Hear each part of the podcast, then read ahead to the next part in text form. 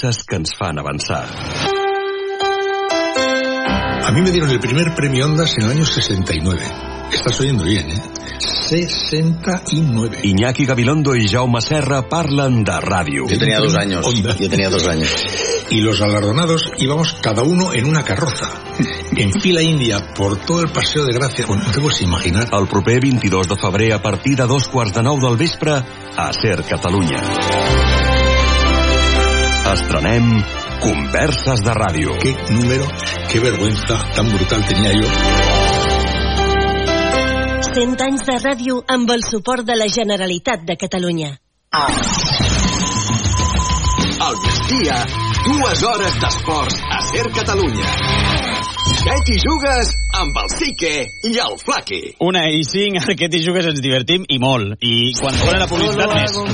para divertirme, para divertirme, para divertirme, esto lo hago para divertirme, para divertirme, para divertirme. T'agrada l'any 69, no, Jordi Martí? Jo tenia 3 anys. 3 anys? Ets del 66? Jo 8. Quasi com ma mare, que és del 63. Jo 8. 8? Clar, jo som del 61. Ets més gran que la meva mare, Saissó. Bueno, està bé. Va, al platellot.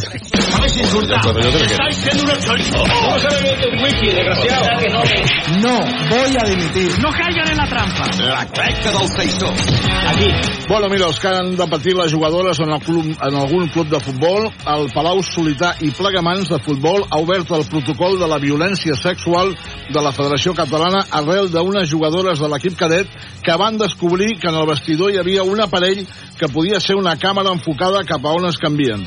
Podia ser un sistema de videovigilància pel tema dels robatoris, qüestió que està prohibida si no hi ha informació prèvia a les jugadores. Davant de la queixa d'aquestes jugadores es van revisar la resta de vestidors i, atenció, en tres més havia instal·lada la mateixa càmera.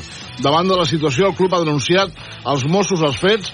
És preocupant que cada vegada hi hagin més casos d'aquests. La part positiva, hem de dir, és que els Mossos han posat fil a la fulla. O sigui, quatre càmeres hi havia. Quatre vestidors, una càmera a cada vestidor. Al, al, al veure la primera, van mirar els altres tres i en total són quatre a la zona on es canviaven. déu nhi Gràcies, Xavi. Hola. Anem a la ciutat esportiva del Barça perquè l'equip d'aquí a una estona entrena. Santi Ovalle, què tal? Bon dia. Què tal? Bon dia. Aquí t'has trobat? que creia, ara m'has descol·locat. Mira, bé que m'he trobat a, a agents, a representants de l'agència Stellar.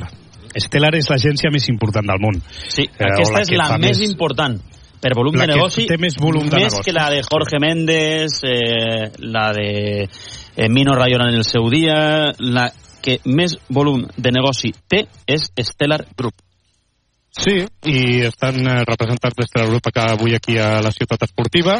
Eh, una reunió tindran amb el Barça. Eh, és veritat que ells porten Fermín López, per exemple, també Ander Astralaga, però el representant directe de Fermín López no està en aquesta reunió.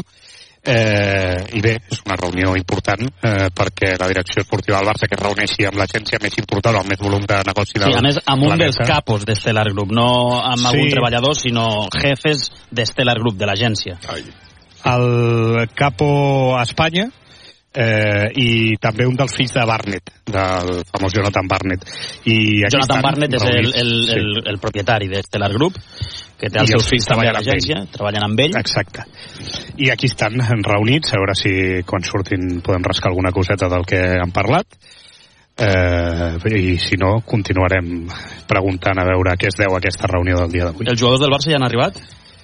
Sí, he vist a De Jong molt content, eh? Uh, Frenkie De Jong acaba d'entrar a la ciutat esportiva després de ser el millor al partit d'ahir eh, i la resta de, de futbolistes del Barça doncs ja han entrat en aquesta ciutat esportiva a partir de dos quarts de dues entrena l'equip, han arribat tard aquesta matinada de Nàpols però ja s'han posat mans a la feina els eh, futbolistes blaugrana. Doncs qualsevol cosa eh, ens demanes eh, pas. Molt bé, fins ara. Fins ara entrem a la classe del professor Flaquer per a que posi les notes del partit d'ahir. Les notes del professor. Flaqui, excel·lent per aquí. El joc i el convenciment sense pilota. La primera mitja hora va ser la millor de la temporada. Es va recuperar l'actitud, el convenciment, la concentració i el treball en equip a l'hora de recuperar pilotes. Això es va traduir en domini i ocasions, només va mancar el gol. El desgast va fer baixar el to asfixiant amb el pas dels minuts, però la posada en escena del Barça va estar a l'alçada de la cita. La lectura positiva és que l'equip, quan s'ho proposa, ho fa. Això, és clar, en genera una de negativa. Per què no s'ho ha proposat fins ara? Notable? Els gols de Lewandowski són la clau per obrir la porta a poder fer alguna cosa a Europa. En un equip amb tan poc gol com el Barça hi ha una dependència brutal de l'olfacte del polonès. Si fa una setmana reconeixia haver perdut la xispa, hem de reconèixer que ara la tornada a recuperar. L'equació és senzilla. Quants més gols marqui Lewandowski, més opcions hi ha d'arribar lluny a la Champions. Si ell no marca, el Barça sap que es decreta l'alerta per sequera. Què és el que progressa adequadament? El pes del migcamp, com l'equip va anar de més a menys, però ahir vam veure migcampistes marcant segell. Gundogan va liderar des del principi, marcant ascendència i jugant per l'equip. Li va fallar, això sí, la rematada. A Frenkie, diguem la veritat, el van veure més, fent bones passades, ajudant en la sortida i treballant en la correcció defensiva. Pedri segueix lluny de forma, però la genial assistència Lewandowski ens permet pensar que està de tornada. Tots tres van marcar perfil, confiem que sigui l'inici d'un migcamp que aconsegueixi imposar jerarquia en els partits que venen per davant. I què suspens? El resultat, com Xavi, marxem de Nàpols amb la sensació d'oportunitat perduda, però convençuts que si a la tornada juga com ahir, es passarà a l'eliminatòria. El Barça va anul·lar els italians durant 75 minuts. La pega és que la primera errada, en aquest cas el marcatge tou d'Iñigo Ochomen, el penalitza de nou al màxim. Després de molts partits seran resultats que no feien justícia al joc, ahir va passar just al contrari. Sensacions bones, resultat injust. A Montjuïc caldrà fer vol que tots vam comprovar ahir. Si el Barça s'hi posa, és molt superior al Nàpols. Gràcies, professor la contracrònica del partit amb el que diuen els protagonistes amb l'Adri Alves. Hola, Adri. Què tal, sí que? Bon dia. Doncs el vestidor es va quedar amb el regust de boca pel resultat, però els jugadors la veritat és que marxaven de l'estadi amb bona cara, amb la sensació que jugant com ahir tenen moltes opcions de passar als quarts de final.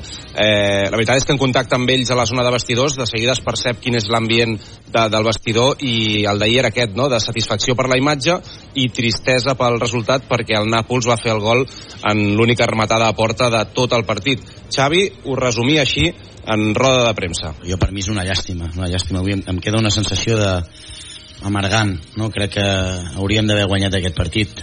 Evidentment no és un mal resultat, però veient el partit i ahir ho parlàvem no? si firmava l'empat doncs evidentment que avui era per guanyar el partit i és una pena. Hem perdonat massa, hem generat moltes ocasions hem estat molt bé en, la, en el model de joc. Eh, jo crec que jugant així tenim molts números de passar, de passar a quarts de final. Una llàstima avui.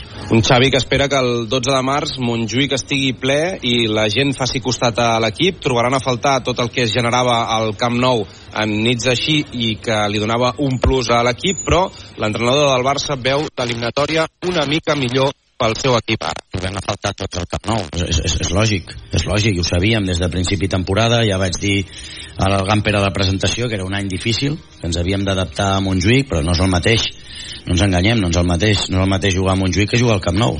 No ens ha d'afectar, evidentment, però és, és, és una pena, és una pena perquè eh, imagina't ara la tornada doncs, al Camp Nou no? seria, per mi seria diferent i pel jugador segur i pel contrari també però bé, eh, l'afició estarà de 10 com sempre els necessitem i si estava 50-50 ara pot estar 51-49 jugant a, davant de la nostra afició. Del jugadors va parlar Lewandowski MVP del partit que porta 9 gols al 2024 en dos mesos ha fet els mateixos gols que a la resta de temporada. Ahir va sumar el seu 18è gol quatre partits consecutius marcant i feia aquesta lectura. Sí, creo que en primer parte jugamos muy buen partido. Uh, normalmente tenemos que marcar uno o dos goles, uh, pero esto, um, eso es fútbol. Uh, después, primero gol, jugábamos un poquito demasiado um, defensivo y Napoli um, jugaba más, más ofensivo, pero solo una oportunidad a gol y directamente después uno, una oportunidad 1-1. Pero tenemos segunda, segunda partida en Barcelona y espero vamos a ganar y es para nosotros muy importante. Araujo deixava clar que és optimista per passar a quarts i deia que era injust marxar de Nàpols amb un empat. Y claro, y claro porque tuvimos más, más chance nosotros de, de poder hacer, hacer más goles eh, y como te digo, habíamos hecho un gran partido, creo que hicimos un gran partido, eh, nos vamos un poquito tristes por eso, pero todavía queda la vuelta en casa. I per últim, també vam parlar una estona amb Condé, que ahir tenia un repte difícil perquè li tocava marcar a Kvaratskhelia per la banda esquerra del Nàpols i ho va fer a bon nivell i lamentava haber viu a l'equip italià. Creo que siempre hemos tenido la, esta sensación de que uh, cuando hacemos las cosas bien, cuando estamos juntos, tenemos una muy buena plantilla, un equipo para competir contra muchos equipos. Ah, después, diciendo esto, es, son ingredientes que hay que meter siempre. La intensidad no puede ser un día sí, un día no, y creo que es- en ese sentido estamos en el buen camino. Doncs els jugadors i Xavi van marxar amb aquesta sensació, la imatge va ser bona, el resultat no és dolent, però el més normal ahir hauria sigut que el Barça guanyés el partit i tornés a casa amb un premi merescut. Això és el que diuen els protagonistes, les dades del partit del Fermín Suárez. Bon dia, sí que després de 3 anys, 7 partits i quasi 700 minuts, Lewandowski torna a veure porteria a la Champions a domicili. Quart partit seguit ja del polonès marcant, ja suma 18 gols aquesta temporada, 9 dels quals al 2024, on és el tercer millor golejador després d'Mbappé i Gyökeres, davanter de l'Sporting Club de Portugal. Però 12 pèrdues de Lewandowski de 35 accions i 6 de 13 en duels. El Barça va crear 10 ocasions, 6 a la primera i 4 a la segona, i va recuperar l'últim terç 10 pilotes, 6 als primers 25 minuts i 4 al segon temps. Baix volum de pilota pel que hauria de ser el Barça amb 420 passades completades per 380 del Napoli. El Barça va haver de realitzar 28 refusos dins de l'àrea, 13 a la primera, 15 a la segona, Íñigo sent el millor amb 6, tercer partit consecutiu en què el Barça li igualen un marcador a favor i això ja és tendència, ha succeït en 6 dels últims 8 partits, només dues porteries a 0 en els últims 17 enfrontaments i són contra Osasuna, el més fiable en pilota va ser Frenkie de Jong amb només 5 pèrdues de 84 accions i també bon rendiment de Cancelo, 4 intercepcions, el que més, 5 de 7 enregats, també el que més, i poques pèrdues per ser Cancelo respecte al volum d'accions total, 12 de 82, el segon que més va intervenir després de Frenkie. Mentre escoltàvem les dades del Fermín, el Lluís Carreras anava fent cares i es mirava amb la de Benítez. Per què? No, per cosetes. De Cancelo? Sí, sí, sí, no, és que, pobret, sí. No t'agrada Cancelo? Sí, sí, sí, no, és que em, em desespera perquè eh, jo crec que inclús desconcentra jugadors, eh, és cert que no té un patró de joc molt establert, que té molta qualitat individual, però penso que en el moment en el que estem desorganitza massa. Ja m'està bé que ho faci cap a dalt, eh? ja m'està bé, que és, que és on t'ho ha de fer, però crec que desorganitza tots els jugadors. Crec que les millors accio- accions de Cancelo normalment són amb l'1 contra 1. Ahir fa dos o tres accions sí. molt bones, però defensivament és un jugador que li costa eh, continuar amb la marca, eh, eh, no té un rigor defensiu molt bo, i ara, a poc a poc, la gent anem entenent per què no ha funcionat el City i no ha funcionat el Bayern. Quan tothom deia, no, no, és que el Barça necessita aquest jugador, necessita un lateral dret amb qualitat, sí, però és que al final has de defensar, has de, has de tindre un rigor defensiu i no, i no el té. I a mi em xirria molt veure-la a l'esquerra. No perquè no sigui perquè no pugui anar cap a dintre, sinó perquè el Barça necessita un lateral dret. És que el Barça continua jugant amb centrals de lateral dret. És que és increïble com no han pogut eh, encaixar Cancelo a la banda dreta. Bueno, ara està jugant a l'esquerra perquè està lesionat Alejandro sí, Valde sí, i també sí, Marcos sí, Alonso. sí, sí, no, no, no, no, sí, això sí. Ara sí, ara sí, però bueno... Què deies, Jaume? Que no tens lateral esquerre, és que ara, ara No, mateix... ara sí, ara, ara al final està suplint a, a, a Valde, però que és que quan estava a Valde també jugava a l'esquerra, és que no és, no és excusa. Per cert, eh, de laterals drets i esquerres hi ha Héctor Ford i alguna altra cosa que ens haguem de eh, haguem d'estar pendents? Héctor Ford és el millor. Héctor Ford és el, el, el millor lateral dret, que a mi m'ha sorprès molt com ha rendit a l'esquerra, perquè no havia jugat mai a l'esquerra, i crec que se li ha de donar oportunitats a la dreta, que és la seva posició més bona, i a més és que defensivament és molt bo, a part de que en atac hem vist que dona assistències, defensivament és molt bo, i això que dèieu de Cancelo, que no és rigorós, que no, que no es concentra, que eh, Héctor Ford no té la brillantor de Ahí Cancelo, Cance- ahí Cancelo- però és més segur, és Ah, més segur. Ahir falla 4 o 5 passes amb l'exterior, que, que jo no... Jo Arrisca no, molt. I, Jaume, mig centres, que el Barça sempre ha estat Sí. una fàbrica de, Sí, sí. de construir mig centres. n'hi ha. No centres- pivots defensius, que si no el Lluís Carreras em fotrà un carxot. A part de Casador, que està... Un moment, eh? eh, Que m'ho has explicat un dia, però ara no ho recordo, i possiblement els oients tampoc. Per què s'ha de dir mig centre i no pivot Perquè els defensiu? pivots juguen a bàsquet. I els mitcentres juguen a futbol. Vale. És com lateral... No tinc més preguntes, senyoria. No, és com dir lateral o, o carriler, no? Que tampoc és... és... I a més no és ben No, no, és defensiu, no? diferent. Perquè, a veure, no, no. Pot ser defenso-ofensiu. El, el model de joc del club, entre altres moltes coses, t'exigeix una nomenclatura específica. Ah, per sí? què? Per fer-nos diferents dels altres. Això ens ho explica Joan Vilà i em va quedar gravat aquí. Igual que tu no automatitzes les coses per jugar. Les pots automatitzar la vida, però no som robots. Les interioritzes. Vale? Crees hàbits. O sigui, hi ha un no es diu vocabulari concret. Específic, clar que sí. No s'automatitza, es creen hàbits. Però... És que tu quan t'aixeques et resnes les dents, ara igual algú dirà que no, o va al lavabo, sí. i eh que ho fas sense pensar, doncs això, no automatitzes, automatitzen els robots. Nosaltres creem hàbits. Però també no creus que, per exemple, Guardiola era un mig centre i Mauro Silva era un pivot? No, Mi, Mauro Silva era un altre mig centre d'un perfil Però vull diferent. dir que el, el, o Mascherano era pivot i en canvi Busquets No. era mig centre. O sigui, jo el, el terme de pivot li veig un, un, com un, un perfil molt Va, més defensiu. Doncs mig centres. Mig centre defensiu. M'apunte per aquí un, Mig un oient top, un oient top que no desvelaré, no desvetllaré qui és, però Marc Bernal. Sí, sí, sí. No, és que No el hi ha, per mi hi ha dues vies que és Marc Bernal... No, no és el propi Marc Bernal. Ja, no, no, no, no, no, no és el propi Marc Bernal dient que... Perquè no, és- no, no, no. no per mi hi ha dues vies per apostar per, per, pel mig centre que diu en Lluís. O Pau Prim o Marc Bernal. Pau Prim... Dels dos, qui és millor? Pau Prim o Marc Bernal? De, depèn, depèn de què, per qui...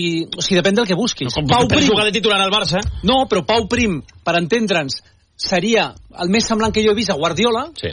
i en canvi Marc Bernal, no ho sé, eh, qui seria, però un molt més físic, amb molta més arribada, molta més presència, són totalment diferents. Són els dos 100% Barça, des del prebenjamí els dos, però són característiques totalment diferents. O sigui, l'entrenador que vulgui un jugador que, que té eh, arribada, que té xut, que té presència física, però li costa més El jugar al primer toc, és Marc Bernal, i el, i el jugador que fa jugar l'equip, però ell potser no desequilibra, és Pau Prim. Són dos perfils molt diferents. El, el Barça necessita un mig centre amb perfil amb un perfil de, eh, de jugador de, de lo que era la, Guardiola, de, de 4, de Busquets, Doncs Pau Prim. que vingui, que vingui, Pau Prim. que vingui de baix amb el concepte Barça, que, que entengui el model de joc, que és el que li passa, que és el que parlàvem abans de Christensen, que ara Christensen pot jugar de mig centre. Marc Bernal seria més és un Touré. És un molt bon Ah, jugador, a mi Marc Bernal m'encanta. seria més Touré.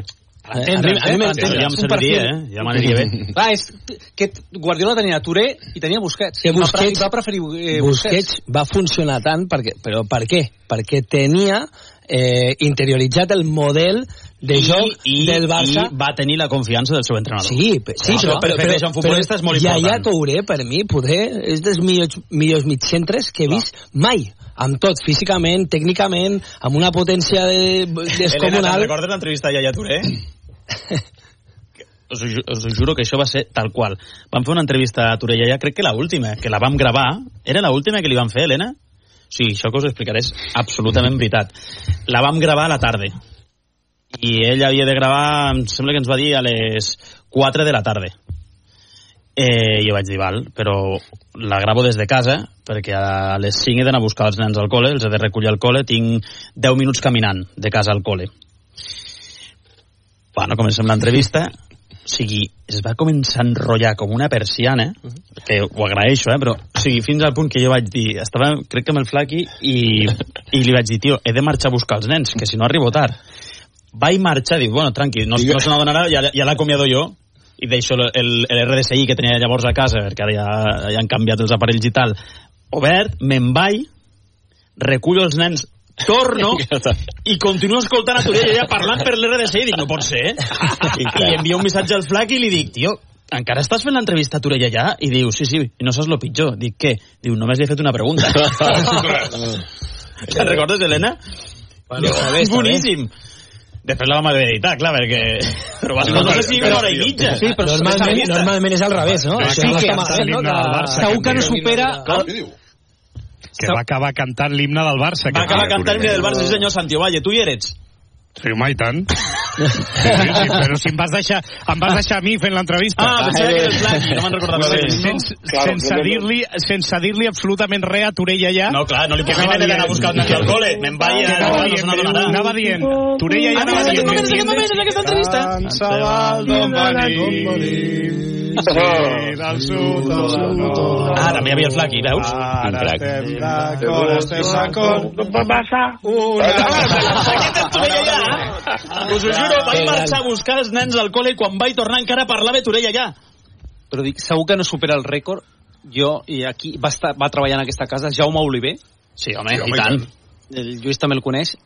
Li vaig fer una entrevista. La primera pregunta va estar 43 minuts de resposta. Una pregunta. Sí, home. Cura, 43 minuts de resposta. Què vas fer? I el, el càmeres que tenia al costat era la una del migdia i em diuen, això és una pregunta, avui, avui, ni, avui ni sopem aquí. Crac. 42 minuts de resposta i era qui era el senyor Boter, que va ser un, un gran director del futbol base del Barça durant molts anys Sí. abans, El abans d'Oriol Tort. a la casa, a Jaume Oliver. No, no, però que Josep, jo li vaig preguntar per Josep Boter, que era Ah, val. un, un, ah, val, val, val, un val. Director... estar 43 minuts responent per Josep Boter. 43 minuts res, de resposta. Jo dic, això és el rècord Guinness. Jo no havia vist mai una resposta de 43 minuts. La tens guardada, la resposta? Bé, els arxius de Barça TV estan, sí. Ai. Eh, hi ha el Cristóbal Chasén al carrer, eh? Ha sortit amb el vídeo de la falta d'Osimhen a Íñigo Martínez per preguntar a la gent. Cristo, No trobo ningú. sense manipular, Aquí, eh? aquí estic. A veure, eh, perplexa amb l'opinió vostra de l'estudi. Estic eh, aquí ben acompanyat, com et dius? Guillem. Guillem, ets del Barça, tu? Ho soc, ho soc. Vale. Em diuen a l'estudi que això, que això no és falta. Vale? El, el gol del Nàpols. Tu, veient, veient la jugada... Mira, li estic posant el vídeo ara mateix. Aviam. Mira, fixa't, eh? Íñigo, Oximen... Mira, mira, mira. Atenció. Eh. Ep, ep, Ai, ai. Per tu és falta prèvia al gol? Tu has dit com l'empuja, no?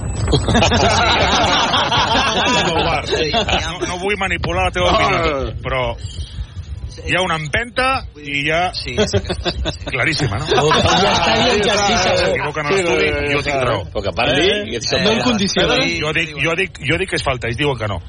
Ah, no, no, s'equivoquen allà. Tinc raó, Sí, tinc raó. sí, sí, tens raó. Vale, ho sentiu, no? Tinc raó. Bueno, vale, un a gràcies, zero. eh, Que tinguis bon dia. Igualment. Un a zero. És opinions que, que Si no ha parlat, Cristóbal, si no ha parlat. Mira, aquest és el vídeo. Tu ets el Barça, no? Sí, sí. Vale, mira. Aquesta és la jugada del gol del Nàpols. Sí, Ho veus, no? sí, sí. Ho veus, no? Oximen, com, com... Falta claríssima. Claríssima, no? Sí, claríssima. Això és una farsa. Hòstia. O sigui, tinc raó. Sí, tens raó. Vale, gràcies, eh? Mira, aquesta és la jugada del gol del Nàpols. 2-0. Vale? Sí. Oximen, Íñigo. Mira, mira. Per tu ja falta aquí. Mira, atenció. Pam i pam. No, el tío se ha tirado. Mira, mira, lo empuja claramente. Mira, mira, va- vamos a ver otra vez el vídeo. Otra vez. Pero tú no lo ves ahí. Sí. Yo creo que sí. Falta clarísima. Yo creo que sí. O sea, gol ilegal del Nápoles. Sí. Vale, perfecto, tengo razón. Sí. Més opinions. Estic aquí amb una parella, els dos del Barça. Sí. Sí, sí. Vale, aquest és el vídeo de la polèmica. Vosaltres com ho veieu? És falta o no és falta? Mira, mira, mira, mira, mira, mira, mira, mira. Sí, a veure, li empuja per darrere i li posa la cama jo crec que podria ser, però si no el pita tampoc crec que passi res. Tu què dius? Jo el mateix també crec que sí, que sí. Falta. Sí, sí, falta. O sigui, gol il·legal. Il·legal, il·legal. Vale, vale. Ho veieu o no ho veieu? 5 a 0. Podem estar tot el matí discutint, però el carrer diu que sí que hi ha falta. Gràcies, que tingueu bon dia. Adéu, adéu. I ara paga la ronda. Va, torno cap a l'estudi. Sí, torna, torna, va, torna. Eh, Adai, gràcies, que has de marxar a l'escala. Que Sí. entrenes, no, avui? Moltes gràcies, sí. Molt bé. Sí, sí. Que vagi bé. Que vagi bé. Adéu. Adéu, Eh, de adéu. tancar la tertúlia, el Martí porta una pedrada que has de respondre Lluís Carreras Sí, sí. i el Jaume Marcet vol treure un nom a la taula del que t'hi jugues. Jordi, Aquests quatre gols consecutius de Lewandowski tenen a veure, com diu Xavi, a l'anunci que va fer ell. Diu Xavi que en el seu anunci de fer un pas al costat això ha servit per alliberar els futbolistes i que estan oferint un canvi de dinàmica i un rendiment que abans del seu anunci no oferien. Això ho podem donar per bo? Jo per mi no. A no ser que abans els jugadors estiguessin eh, empresonats, encursetats, amb una dictadura a sobre. Jo crec que Xavi els hi està explicant... o que no estiguessin, estiguessin així, així amb l'entrenador i ara que ha dit que marxa diguessin, hòstia, igual ens hem passat i ja em fa una mica de pena, una Mm, mica de llàstima. no. Que Gundogan va dir l'altre dia, no dic que sigui el cas a l'avantguàrdia, mm, em va sorprendre lo de Xavi i tinc la sensació que podria haver fet alguna més per ell. I ho faran ara sabent que se'n va? Jo crec que no. Al final... Eh, Home, la n'hi ha un que ha decisió... començat a marcar gols i que va Sí, fer va. un dinar a casa seva per tota la plantilla. Per celebrar que se'n anava. No, però igual és perquè tenia mala consciència. No, no ho crec, jo no ho crec. No crec que alliberi. Jo crec que això va alliberar a Xavi. I ell ho va dir. A la roda de premsa va dir seré una mica egoista, segurament, però això m'allibera a mi. M'allibera de què? D'aquesta pressió que no ha pogut suportar de ser l'entrenador del Barça i és molt lícit i, i jo ho aplaudeixo que ho digui. Després ja estarà la decisió decisió del club de mantenir-lo o no mantenir-lo fins a final de temporada. Però que això repercuteixi en el joc, per mi rotundament no. Per tant, et dono la raó, Jordi Martí. Correcte. Jaume, abans de tancar, que hem d'anar a publicitat, quin nom volies destacar avui del futbol base? El nom d'un entrenador, Pol Planes. Pol Planes. Entrenador del juvenil B, 32 anys, i és d'aquells eh, entrenadors que tu el veus en diferents eh, fornades de jugadors i sempre veus un Barça reconeixible i és la versió del Barça que ens agrada, d'un Barça que toca molt bé la pilota, que és intens en pressió, que... i sobretot m'encanta com millora els jugadors. I explicaré una petita anècdota. Un dels jugadors que va passar per Pol Planes és Pau Covarsí, i el que em consta és és molt bo Pau Covarsí en pilota i sempre ho ha estat, però per exemple hi ha un detall, si us hi fixeu, quan Covarsí fa una passada llarga, a vegades està com mirant a prop per enganyar una amigueta, o quan fa una passada curta mira lluny, i és un detall que li va ensenyar Pol Planes. Què vol dir? Que no telegrafiar què faràs, sinó enganyar, i això a vegades va molt bé. I és, és un entrenador que millora molt els jugadors, i ara hi ha una generació de la que jo crec que en parlarem, del 2008, els cosins eh, Guille i Toni Fernández, Gistau, eh, Pedro Rodríguez, Pol Bernabéu, Pedro Fernández, de cadets que estan pujant al juvenil B i que ho estan fent molt bé i que els està ensenyant molt bé Pol Planes i tothom em diu que és el millor formador que tenim en quant a això, que manté l'estil Barça, forma molt bé els jugadors i després... Que és el millor formador que té el Barça ara mateix, eh? Pol Planes. O, o està entre els dos tres millors, perquè no vull dir que ningú s'enfadi, no? Però mm -hmm. per mi és, eh, eh, a mi és el que... Em... No, tu sempre has defensat que, igual que ha dit abans el Lluís Carreras, la Masia, a part de formar jugadors, ha de formar entrenadors. I ho ha fet. I ara tenim a Carles Martínez, un entrenador del Toulouse, que ho està fent molt bé, i tenim a Frank Artiga a Rússia, i tenim molts entrenadors per, per, per tot el món. Tenim a García Pimienta a, a Les Palmes, vull dir que jo crec que i en el seu moment tot, Guardiola. Guardiola, Luis Enrique, eh, Eusebio que va passar, vull dir que eh, el Lluís és, és, és un exemple també, no? Eh, ell no, no, no va estar a les categories inferiors, però l'Òscar Garcia sempre hi han hagut entrenadors bons que no vol dir que perquè després no marxin a altres llocs no siguin bons. Vull dir, a mi m'agrada que els entrenadors bons es quedin al Barça i estiguin ensenyant als jugadors. Jo el que necessito és que els futurs covarsís i lamins tinguin bons entrenadors que els, que els l'ensenyin, que no ho hagi de fer després l'entrenador del primer equip, que l'entrenador del primer equip ha de competir, no d'estar ensenyant a, a, a, a nens. Han de, evidentment sempre has d'anar millorant i progressant, però has, has d'arribar una mica ensenyat, no? I, i, i, I més que guanyar a mi, jo ho dic honestament, el juvenil B no va primer de la seva lliga, va segon. A mi m'és igual.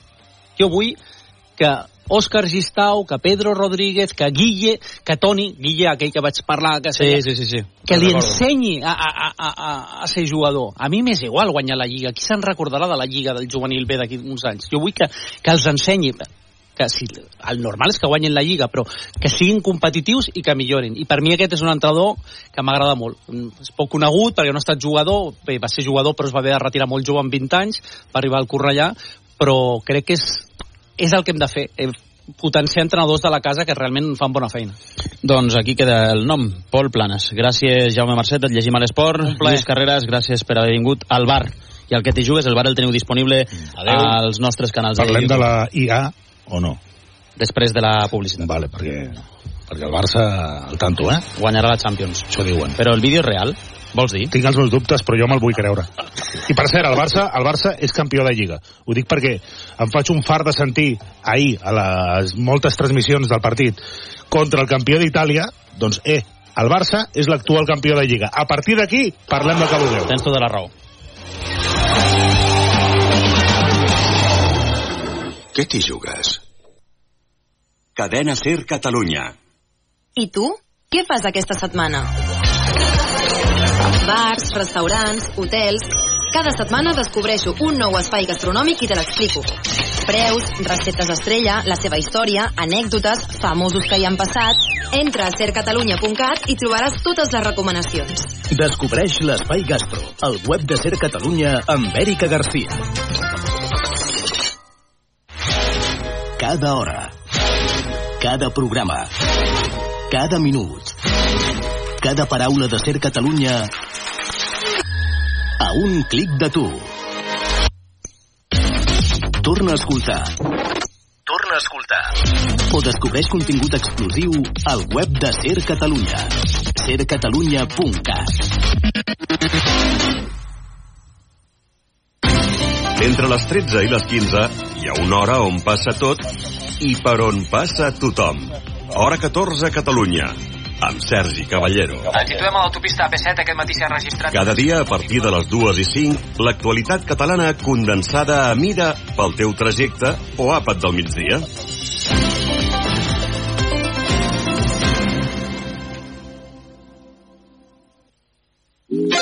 No saps tot el que passa fins que no segueixes Ser Catalunya. Arroba Ser Catalunya. Arroba Ser Catalunya. Al perfil de Ser Catalunya trobaràs tot el que passa davant i darrere els micròfons.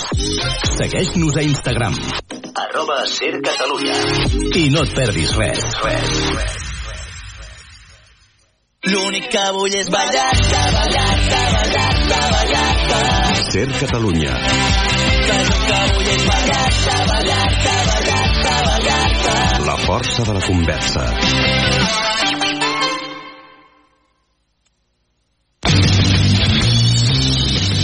Què t'hi jugues? Diego! On està? Arriba quan vol. Sempre el mateix, sempre arribant tard. Sí, aviam. Eh, me he marcado un Mbappé. Llego tarde pero con ganas. Madre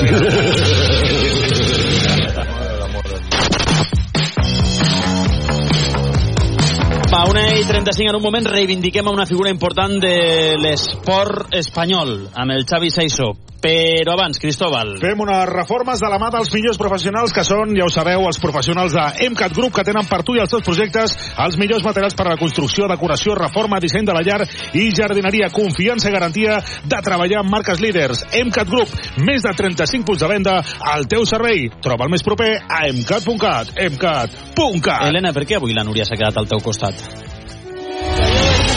Sí. Ah, val. He provat d'entrar i no hi cabia i he vingut aquí a No té res a veure amb que els ordenadors funcionin així, així, No, que està bé. no, va, no, va, no, va, van perfecte. Perfecte. Has vist el vídeo aquest d'intel·ligència artificial, Núria? Sí, me l'ha enviat el I Cristóbal. com a experta en el Ah. món digital, tu el creus? No. Fake, no. fake com... Sincerament, Però és guapo, eh? és el nostre Eh, fake. però és el nostre fake i ens agrada creure i... Tenim el tio Faja o no? Jo, jo Imagina. faig la prova. Si aquest vídeo digués... Si aquest vídeo tingués un altre resultat, el Cristóbal no ens l'hagués No, ensenyat. evidentment que no. L'hem posat al bar, el vídeo. Sí, l'hem posat sencer. Hem tancat el bar amb aquest vídeo. Sí, jo he fet una edició, vale? és el camí del Barça a la Champions. Sí, i és segons la intel·ligència Segons artificial. una suposada intel·ligència artificial de no sabem on, i hem fet un, un, un recull Diu l'Helena tots que els... no, no sé què diu que no, però... Què? Que és No, més no, fals? és que aquest fake. recull no l'has enviat, Cristóbal. Aleshores ja les tracta sencer. Vale, doncs tenim l'extracte sencer. el, el, aviam, l'extracte on el tens? Allà, a la carpeta de, la carpeta de fora. Sí. IA. IA. O sigui, tu fas un, un reportatge i li poses Sí, IA. IA. I pretens que la gent sàpigui No, es diu que és. IA Barça campió. El tenim? Sí? No? Espera, Vale. saludo al tío Faja, que aquest ja el tenim preparat. Hola, Marqués, ¿cómo estás? Hombre, hombre, me pongo a pie. ¿Cómo voy a estar mal? ¿Por qué? Si vamos a hacerte escuchar un vídeo que te va a porque no- encantar. Lo vas a gozar. Porque lo habéis vuelto a hacer. ¿El qué? ¿El qué? ¿El Habéis, qué? ha- habéis, habéis vuelto a mancillar vuestra profesión. ¿Con qué? Ojo, no te muerdas. Bueno, pues ayer, eh, ayer entrevistáis a Munique y no le preguntáis si es el padre de Luis Enrique. Eso decía yo. Ya se lo preguntamos a Eso, Munique. eso reivindicaba yo. Pero que ya le hicimos una entrevista donde le preguntamos no, por no, Luis sí que Enrique. no t'ho perdono, això. Però que ja Ah, vaig una fer vergonya. aquesta pregunta. Eh, eh, i em van fer Sí, bueno, fora jo de no l'estudi no perquè escucho. saben que si jo estic aquí amb Munique li pregunto per Luis Enrique. Elena, li van preguntar Si o no en una entrevista a Munique per Luis Enrique i si era el seu És el pare? que més m'interessa de Munique. No, sí, ja ho vaig veure, que molts oients ho preguntaven. Si, Cri- si Cristóbal llega a dirigir esa entrevista, saca la torunda de algodón y se la mete en la boca para sacar una prueba de ADN. La turunda de algodón. Eh, prepárate. ¿Estás dispuesto a, a gozarlo? Estoy dispuesto Intenta, a gozarlo. intenta no gemir cuando escuches este report supuesto de la inteligencia artificial. Este será el equipo campeón de la Champions League, según la inteligencia artificial. En el Barcelona versus Napoli pasará el equipo Blaugrana. Ya en cuartos de final, luego del sorteo, las llaves quedarían así. Barcelona versus PSG. En este partidazo, el equipo que avanzará a semis será el FC Barcelona. En la semifinal, los partidos serán los siguientes. Borussia Dortmund versus Manchester City y Barcelona versus Real Madrid. En el primer partido de las semis, el equipo ganador será el Manchester City, llegando así a su segunda final consecutiva.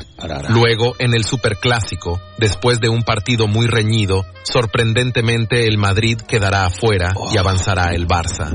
En la final, el equipo que será campeón, sorprendiendo al mundo entero, será el Fútbol Club Barcelona. Està circulant molt aquest vídeo. Imagines que és veritat? Els gemecs són del Cristóbal, eh, no del vídeo.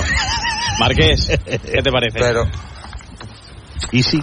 Eh. Pues que Cristóbal, que Cristóbal está ahora mismo, que Cristóbal pertenece a la generación de la degeneración. Para enterrarme. Y eso hay que tenerlo claro y decírselo a la audiencia. Vale, vale, pero, Eh, eh, Cristóbal, Cristóbal, no, easy, no, no juegues con los sentimientos de nuestros hijos, no.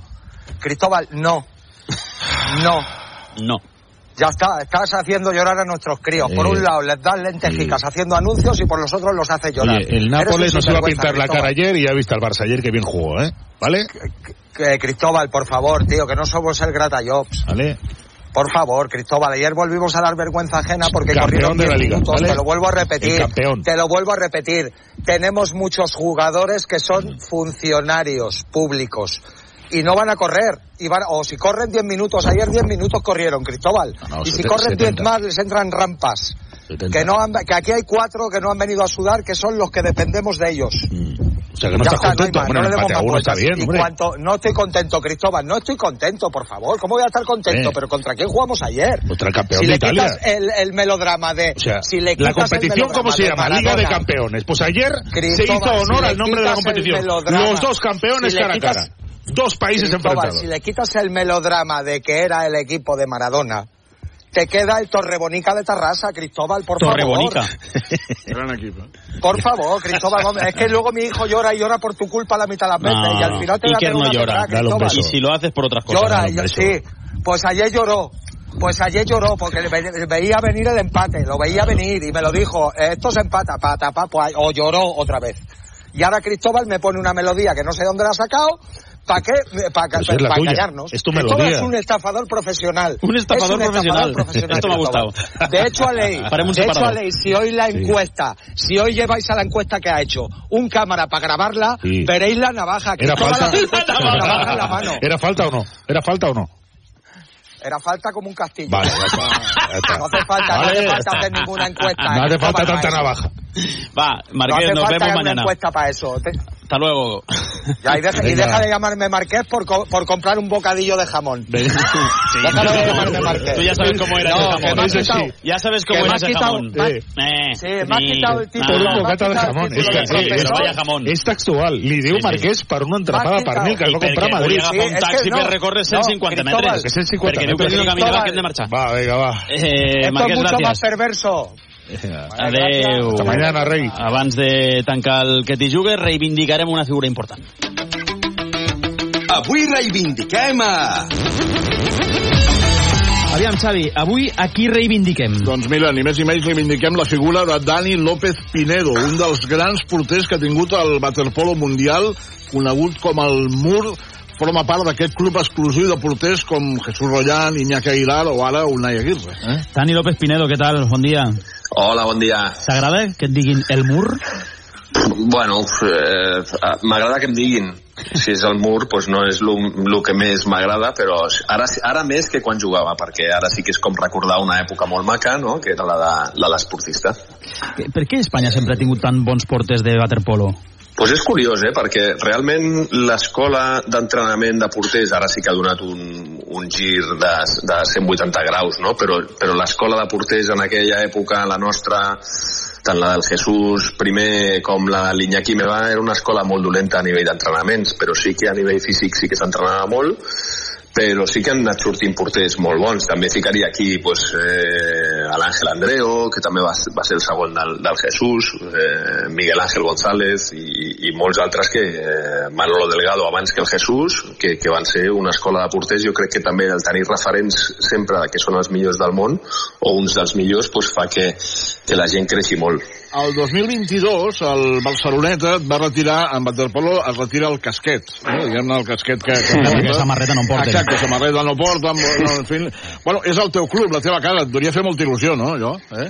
Doncs la veritat és que sí. Eh, teníem penjat aquí el seleccionador que fèiem, fèiem la conya no, amb el David perquè al principi van posar una foto, no era el casquet, ara crec que és més maco no, que està el casquet penjat i de fet algun soci com a anècdota a vegades preguntava que si és que s'havia mort perquè entre que no el veien per aquí pel club i veien mm, amb, la, amb els seus anys amb els anys que havia estat al club doncs deien hòstia s'ha mort pobre pobre no? I, però ara el del casquet jo crec que és un, un símbol molt maco evidentment és un casquet que, que és un quadre que posen allà a la paret del, del club però per nosaltres eh, té molt valor perquè eh, no retiren el casquet numèric perquè sempre juga amb els mateixos números, però sí que, sí que per nosaltres és un simbolisme molt maco, no? I, i veure que, tot i que jo no sóc eh, originàriament d'aquí de l'Atlètic Barceloneta, que et recordin d'aquesta manera i que, que, que siguis com de la seva família, pues, pues és molt important.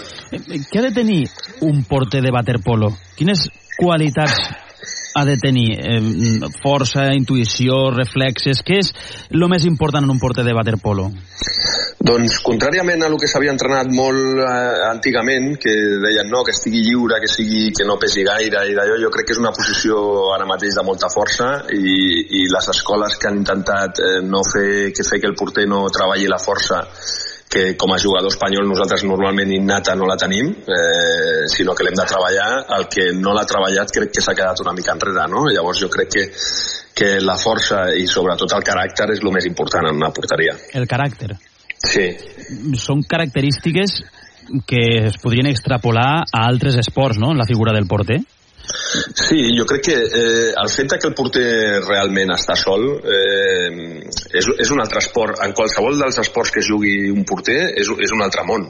És un altre esport diferent, no? S'entrena diferent, eh, és una altra posició. Tu, qualsevol joc, el que vols és fer gol i el porter, la seva tasca és que no li facin. Llavors és quasi, quasi l'antiheroi, no?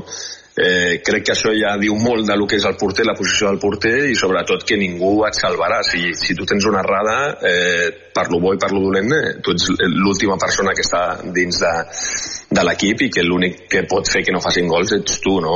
El jugador sempre té l'opció de que el porter li salvi el cul, que és el que diguem nosaltres, no? I, i això és molt maco que tu a vegades veus que el jugador, el teu defensa l'ha pifiat no? en defensa i, i tu la pares i s'està girant pensant que ja era gol i l'has parat, pues, pues això és molt maco, no? Però sí que, sí que és totalment contrari a el que fan els jugadors. Mm, perquè eh, tu has après alguna cosa de porters d'altres disciplines o no? Sí, sí, nosaltres tenim molt tracte, no sé per què, suposo que perquè com a joc és molt similar eh, amb, amb l'handbol i, i evidentment eh, veus moltes coses similars, no? I quan parles amb ells pues, veus que, que tots patim el mateix, tenim els mateixos problemes, les mateixes avantatges i crec que, per exemple, amb l'handbol també hi ha una altra similitud, que és que el porter actua molt, no? Així com amb el futbol sí que es veu molt però no actua gaire, en esports com és el waterpolo o l'handbol eh, estàs contínuament actuant. Sempre es diu que els porters, parlaves d'antiheroi, es diu que els porters estan fets d'una altra pasta, que, que, que és el més boig de l'equip, el que té més personalitat. No, de fet, jo dono fe perquè el sí que era porter i, i està fet d'una altra pasta. És així o no? Sí, perquè ja, ja no és la bogeria no, que a vegades es parla, sinó que jo crec que la, la, a vegades la inconsciència aquesta de, de que, clar, quan tu falles tothom et mira, no? que dius, es veu molt quan l'has fallat i t'ha de donar una mica igual o, o tenir molta personalitat per acceptar el teu error i continuar i no enfonsar-te, perquè com estiguis pensant en una errada, la següent tornaràs a cagar-la. Llavors, eh, crec que, que aquest caràcter és el que s'ha de buscar en un porter i, i crec que a Espanya jo crec que és una de les coses que hem fet bé. Mira, hi ha una anècdota que no se'n recordarà el Dani, però jo, Dani, abans d'un partit, en un entrenament que feu allà a Montjuïc de l'Europeu, crec que era de Barcelona, em vaig dir, sí. a mi m'agradaria molt ser porter de, de, de waterpolo, però sempre i quan toqués amb els peus a la piscina. Llavors, I, i eh, tot seguit ens vam fer una foto i li vaig ensenyar a la meva dona i la meva dona sí. va dir, escolta, sou de la mateixa espècie? I vaig dir, i allà, i allà es va acabar la meva aspiració de ser porter de waterpolo. bueno, hi ha, hi ha una cosa que és, que és, que és xula a l'aigua, que moltes vegades hi ha gent que et penses que és molt gran a l'aigua i quan surten no són tan grans. O sigui, el tema de que no es vegi la meitat o més del cos pues, ah. és, és bo en el teu cas.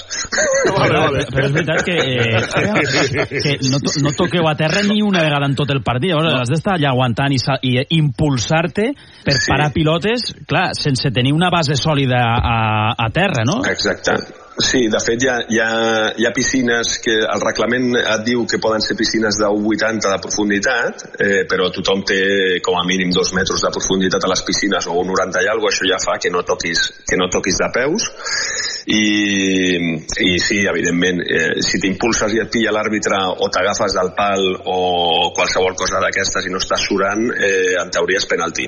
Escolta'm, Això sí que... Has d'acabar rebentat. Bueno, això és el que nosaltres els porters, perquè tenim fama de, entre els jugadors de vividors, no? de, que no, de que no ens barallem, de que no nadem, de que és la posició més, menys, menys física, nosaltres diem que cansa molt estar, però quan estàs entrenat, eh, el fet d'estar parat, estàs descansant. Eh, Dani, eh, està en categoria masculina i femenina, estarem als Jocs, que és una gran notícia. eh, pel, pel que fa a la teva posició, eh, què tal l'Unai? L'Unai és un, un porter amb garantia. Unai no? Aguirre. Unai Aguirre, això mateix. Sí, més que garanties. És un, ja s'ha ficat en, eh, en ser un dels millors del món, eh, tot i que té 21, crec que té ara, de 21 anys o 22 com a molt, i crec que això diu molt d'ell, no? Ell és un, és un talent com no hem vist des de feia molts anys, sobretot per la, per la seva joventut, no? La seva joventut tan ràpid i se, ja li han donat, crec que algun campionat al millor del món, eh, crec que això diu molt. Tenim porters per, porter per molts anys i a part que està molt ben acompanyat ara mateix per l'Edu Lorrio que també està a la porteria i quan està sortint eh, ho està fent molt bé perquè la porteria tu sol és, és molt complicada eh, i més a la selecció i al club com és l'Atlètic Barceloneta que tens responsabilitat durant 12 mesos a l'any 21 anys, Unai Aguirre en farà 22 al, al 21, juliol. Un 92, eh, fa, Unai Aguirre. Una curiositat, perquè has dit abans que eh, us fixeu en porters d'handbol.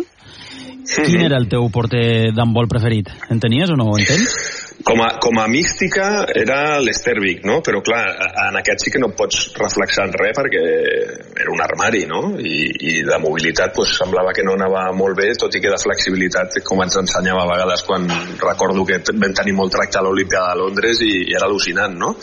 Però jo crec que molt més similar a lo que és, a lo que és el nostre esport pues, seria un, un tipus Gonzalo, no? Que no són, no Gonzalo són Pérez tan, tan grans, però són molt... Ah, exacte. Però són molt més àgils però sí que és veritat que jo quan més em fixava amb l'handbol era no tant a la meva edat d'ara, que és quan està el Gonzalo al seu millor moment, sinó que era quan estava el Saric. A mi m'encantava el Saric. Gran porter, Oh, i, i, i, i, i la vida després de... Un, un cop et retires, jo recordo parlar... Saric, Saric, Saric, eh, no. Quiere, o era Peri, Pes, Pes, hòstia, Peric, millor, Peric. no?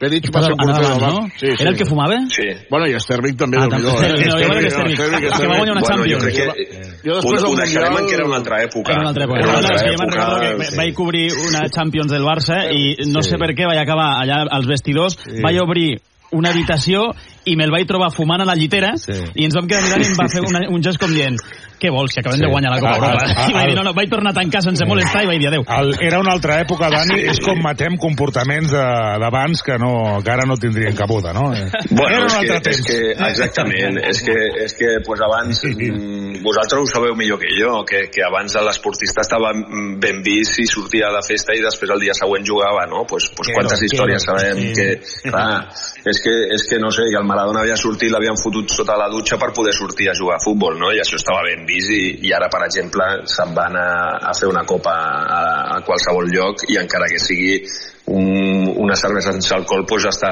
criticat no?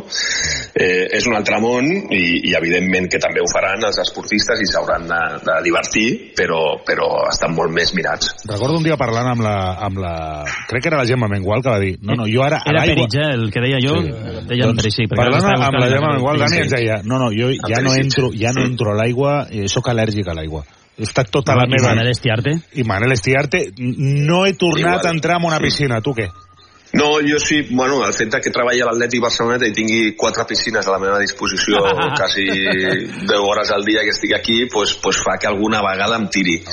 Eh, és veritat que és el que més em costa, sí que continuo fent esport, eh, habitualment, intento fer-ho cada un o dos dies algú d'esport, 40 minutets, però la piscina és el que més em costa, primer perquè a mi el que m'agradava era jugar a waterpolo i a waterpolo és més difícil, no?, muntar-te un entrenet, però, però nada, pues, sempre ens ha avorrit i ara pues, no li veig cap motivació, no? Però sí que intento no deixar-ho hi ha un grupet maco aquí de màsters de natació i a vegades sortim a nedar al mar i llavors és, és un altre món. Mm, doncs eh, avui volíem reivindicar la figura de Dani López Pinedo, un dels grans porters de la història del waterpolo mundial.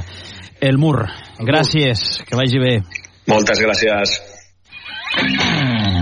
Què t'hi jugues? Un programa... Culer, culer, culer. Escolta'ns de dilluns a divendres, de 12 a 2, a Ser Catalunya. Culer, culer, culer, de llorar. Tres tots i el Saixó. Tiqui, tiqui, miau, miau. Ai, doncs, molt bé, eh? Molt bé. Dani López Pinedo. Sí, parla bé, parla bé. Fenòmeno. Un tio que, clar, va ser... I mira, ja m'ha après que els porters de waterpolo s'inspiren en els d'handbol. Sí, sí, sí, clar, perquè amb les mans i tot això... Va, Xavi, acabem el programa rient. Bueno, escolta, recordareu que fa un temps el Miguel Zubia Reina estava en l'arguero i li va caure eh, Sí, de tot, tot. de tot. Doncs La ha, vaixella tor- sencera. ha tornat a passar. Amb ell? No, Ah. amb Mijatovic. Amb Mijatovic, l'altre dia estava sopant o no queda clar on estava i mireu el que va succeir. Atenció. El próximo año, a partir de la próxima temporada. Eh, si hago una más, cuidado con los Ah, pero que esta es más bestia. Madre mía, estoy en un restaurante aquí. Nada, pues diles que la, la vajilla ah, descanse en paz. la vajilla descansa en paz. Déu-n'hi-do, eh? Absolutament, eh? Vull dir, va ser una cosa... Venga, alegría. A veure, la podem recuperar, Willy, eh, el moment de la vaixella? El próximo año, a partir de la próxima temporada. Eh, si hago una más, cuidado con los platos y con los vasos. Que Madre mía. Jo crec que estava carregant el rentavaixelles. Aquí, Alguna cosa Aquí hi ha, va... hi ha bastants gots i plats. Hi ha eh? bastants gots i plats. Sí, sí. Bueno, l'altre dia Iturralde estava encostipat, eh, o això sembla, pel que he pujat una mica al moment, eh, i l'he repetit, perquè es vegi que quan estàs encostipat es nota en antena. Atenció. Más 30, 40 puntos en un cuarto de un equipo. El Fútbol Club Barcelona que acaba de firmar. El Fútbol Club Barcelona que acaba de firmar el cuarto perfecto.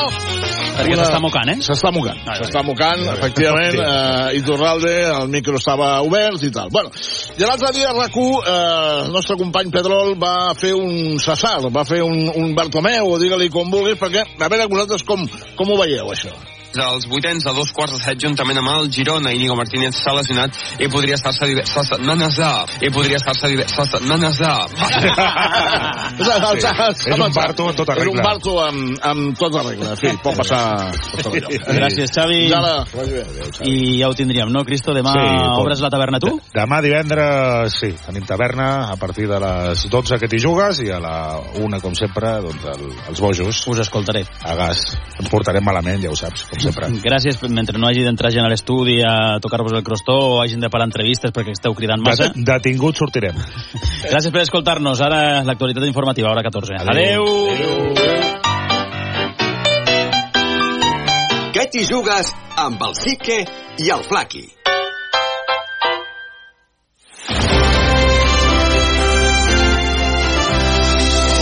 Cent anys amb la ràdio. Xavier Carmeniu. Som al 1954. El 1954 va ser notícia al final de la Guerra d'Indoxina, la retirada francesa del sud-est asiàtic i el naixement de Vietnam, Cambodja i Laos. També ho va ser la fundació del KGB, el mític servei secret de la Unió Soviètica, i l'elecció de Josep Tarradellas com a president de la Generalitat a l'exili, en substitució de Josep Irla, durant una reunió celebrada a Mèxic. A Catalunya, però, aquella mena de notícies no arribaven per culpa de la censura.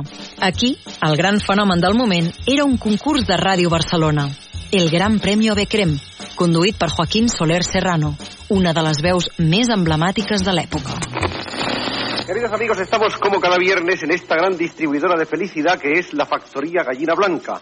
Los caminos de todos los bellos y dulces sueños pasan por aquí. Ave Crem era l'evolució dels cubs de caldo concentrat gallina blanca que Lluís Carulla havia començat a fabricar durant la Guerra Civil. Aquell 1954, Ave Crem es posava per primera vegada a la venda i la nova marca necessitava un altaveu potent per arribar a la clientela, o sigui, les mestresses de casa. I quina millor manera de fer-ho que amb la ràdio, que tanta companyia feia les mares de família mentre feinejaven per casa. A partir d'aquell any i durant molt de temps, la marca va patrocinar diferents concursos, com ara el famós Ave Crem Llama su puerta, amb les que he de guanyar lots de productes. En ple segle XXI, això no ens fa ni fred ni calor, però en aquella Espanya subjugada per la dictadura franquista, que tot just acabava de deixar enrere el duríssim racionament de la primera postguerra, aconseguir productes gratis era un reclam irresistible. I a més, es comptava amb el carisma de Soler Serrano, qui per cert va guanyar el Premi Ondas en diverses ocasions. Debo decir que la radio me ha dado todo lo que yo podía esperar de ella, que era la amistad de cientos y de miles de personas. Un guardó que precisament es va crear el 1954 per celebrar els 30 anys de Ràdio Barcelona. I des d'aleshores els Ondes han anat guanyant prestigi fins a convertir-se en els més ben valorats pels professionals de la comunicació.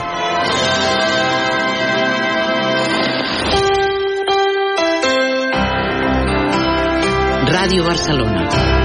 100 anys d'història. Ser Catalunya. 100 anys de ràdio.